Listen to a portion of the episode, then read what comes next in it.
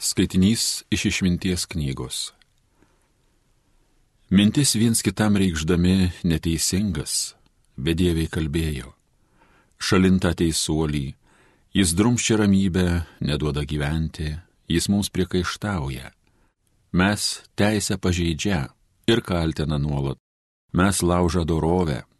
Jis giriasi Dievą geriausiai pažįstas ir sakosi esas tiesiog Dievo vaikas galvosinai mūsų jis priešgina tikras. Ir mums įkyrėjo jau vien tas jo žvilgsnis, netoks kaip kitų jo gyvenimas, visas. Jie eina keliais visiškai skirtingais. Mūsų laiko menkystėm ir mūsų kelią lyg kokį mėšlą iš tolo aplenkia. Jis teigia, teisuolis pabaigsęs laimingai ir geriasi paisto, kad Dievas jo tėvas. Kokia čia teisybė, to jau pamatysim, Mes pažiūrėsim, kuo baigsis jo dienos. Mat jeigu teisuolis tikrai sūnus Dievo, tai Dievas jį gintų, vaduotų iš priešų.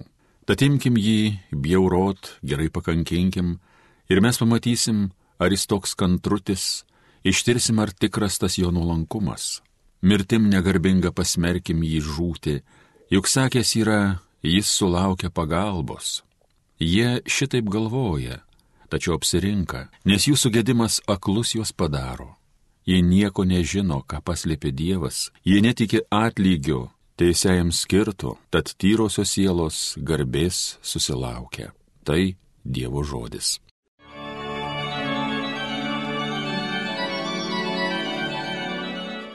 Artimas viešpats sugrūdusiai širdžiai. Nuo piktavalių nusigręš viešpaties veidas ir nieks nebeminės žemėje jų vardo šaukės teisėjai, juos viešpats išgirsta, iš visų nelaimių juos gelbsti. Artimas viešpats sugrūdusiai širdžiai. Artimas viešpats sugrūdusiai širdžiai, išvargintas sielas pagydo, daugel bėdų ištinka teisuoliai, bet išvaduoja jį viešpats. Artimas viešpats sugrūdusiai širdžiai. Saugo viešpats jo visus kaulus, ne vienas jų nesulūšta, viešpats vaduoja saviškių gyvybę, sveikas išlieka kuris prie jo glaudžias, artimas viešpats sugrūdusiai širdžiai. Šlovėtau Kristau amžinosios garbės karaliau. Žmogus gyvas ne vien duona, bet ir kiekvienu žodžiu, kuris išeina iš Dievo lūpų. Šlovėtau Kristau amžinosios garbės karaliau. Aš pats su jumis. Pasiklausykite Šventojios Evangelijos pagal Joną. Išgirdę Jėzaus žodžius, kai kurie žmonės sakė, jis iš tiesų pranašas. Kiti tvirtino, jis mesijas. Dar kiti pranašavo, nejaugi mesijas būtų iš Galilėjos. Argi raštas nesako, kad mesijas ateis iš Dovido palikonių, iš Betlėjaus miestelio, kur yra buvęs Dovydas. Taigi minioje kilo nesutarimas dėl jo asmens. Buvo ir tokių, kurie norėjo netgi jį suimti, bet ne vienas nepakėlė prieš jį rankos. Taigi sargyba sugrįžo tuščiomis pas aukštuosius kunigus bei fariziejus, o tie klausė, kodėl neatvedėte. Sargybiniai atsiliepė, niekada žmogus nėra taip kalbėjęs. Fariziejai atsakė, gal jau ir jūs leidote suvedžiojami, Ar tiki jį bent vienas iš vyresnybės ar fariziejų, nebent tos prakeiktos padugnės neišmanančios įstatymo? Tuomet prabilo vienas iš jų Nikodemas, kuris pirmiau buvo aplankęs Jėzų. Ar leidžia mūsų įstatymas pasmerkti žmogų, jeigu jis pirmiau neištardytas ir nėra žinoma, ką jis padaręs? Tada jie atsiliepė, gal ir tu iš Galilėjos? Patyrinėk ir pamatysi, kad joks pranašas nebuvo kilęs iš Galilėjos. Ir taip jie įsivaikščiojo savo. Girdėjote viešpatie žodį.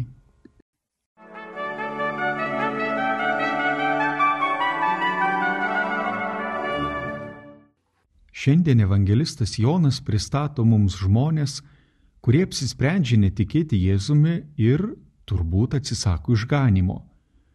Pirmiausia, esama tokių, kurie tiki savo pačių teiginiais. Kai kurie žmonės sakė, jis iš tiesų yra pranašas. Taigi jie tikėjo, kad jis yra pranašas, bet tik tiek. Musulmonai irgi tuo pačiu tiki. Islamas irgi sako, kad Jėzus yra pranašas, tačiau niekas daugiau. Toks tikėjimas nėra nei gelbstintis, nei išganantis. Kita grupė žmonių nors ir paskelbė, kad veikiausiai jis yra mesijas, bet tai išpažino tik tai savo protu, tik tai savo intelektu. Žinoti, kad jis yra mesijas, vėlgi šios žinios nėra nei gelbstinčios, nei išganančios. Juk daugybė žmonių suvokia, kad Jėzus Kristus yra Dievas, daugybė auga krikščioniškose šeimose, yra pakrikštyti, dalyvauja stovyklose, bureliuose, veikiausiai ateina per Velykas į bažnyčią, žino, kad Jėzus buvo tikras Dievas ir tikras žmogus, tačiau visa tai yra tik žinių lygyje.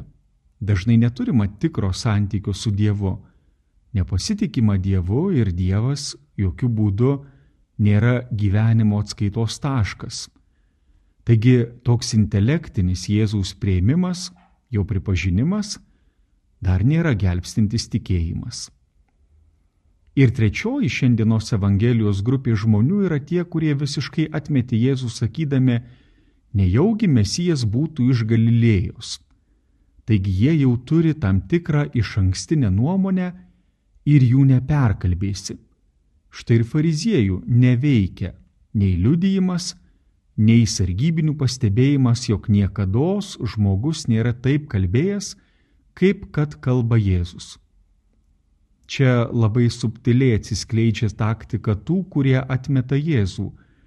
Ir ši taktika būdinga ir mūsų laikams.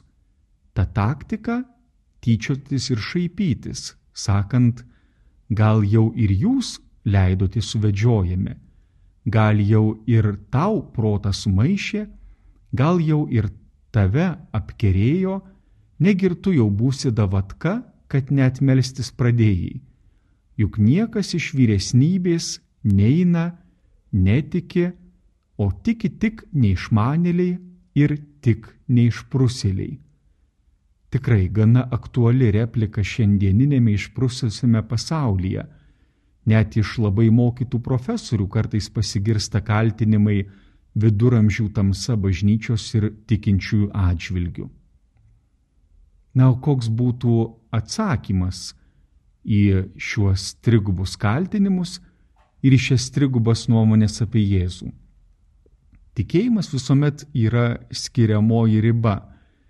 Tikėjimas visuomet įpareigoja kitokiam elgesiui ir gal dėl to krikščionybės ar bažnyčios nelabai norima turėti kasdienėme gyvenime, nes tai yra nepatogu ir bažnyčia tuomet gali tapti tik institucija, tik pastatu, kur būtų galima užeiti tinkamu laiku, uždegti žvakelį ir vienam pabūti su Dievu. O bendruomenė, įsiliejimas į bendruomenę, tartum pernelyg įpareigoja. Na turbūt nelabai daugelis iš mūsų ir šiuo metu yra įsitraukę į sinodinį kelią, į kurį popiežius ir vyskupai labai kantriai ir labai aktyviai ragina įsitraukti. Veikiausiai nedažnai kas įsitraukia, nes dalyvauti, mąstyti, siūlyti, apgalvoti, rūpintis tai įpareigoja. Kur kas lengviau ateiti, neįsipareigojus pabūti. Todėl ir apaštalas Jonas šiandien kviečia pasitikrinti mūsų pačių motivaciją kodėl mes lankome bažnyčią ir kuo mes asmeniškai laikome Jėzų Kristų. Atsakymas yra labai svarbus, nes atsakymas jis mus įpareigos arba leis mums ir toliau ramiai savo gyventi, be jokių įsipareigojimų labai patogiai.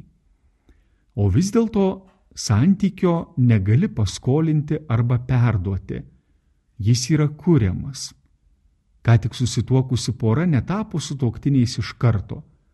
Jiems reikėjo subręsti santokai. Jie susipažino, palaipsniui pažino vienas kitą, įdėjo daugybę pastangų, praleido daugybę laiko kartu ir tas jų santykis peraugo į meilę, o galų gale į santuoką.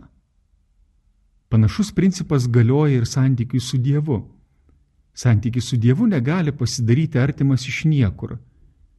Reikia domėtis, būti kartu, bręsti, aukti, žinoti, kas rūpi vienam ir kitam. Žinoma, su tuoktiniais įmanoma tapti ir labai greitai ir paskui susitikti porą sykių per metus. Ir turbūt tokių sutuoktinių santykiai visuomet bus labai gražūs, be jokių barnių, nes nebus nieko, kas juos sieja. Ir ar tai tikrai bus autentiška meilė? Identiškai įmanoma ir bažnyčioje apsilankyti tik porą sykių per metus, bet tai irgi veikiausiai te bus tik patogus, nelabai autentiškas tikėjimas. Todėl šiandienos Evangelija mus kviečia kurti tikrą, autentišką santykį, kuriam dėja bet reikia viso gyvenimo. Visą gyvenimą eiti kartu, pažinti vienas kitą, dėti daugybę pastangų, nusivylimų, praleisti daugybę laiko kartu, praleisti daugybę laiko maldoje, tam, kad galėtume vienas į kitą remtis. Tam, kad Jėzus Kristus tikrai būtų mūsų gyvenimo draugas čia ir amžinybėje.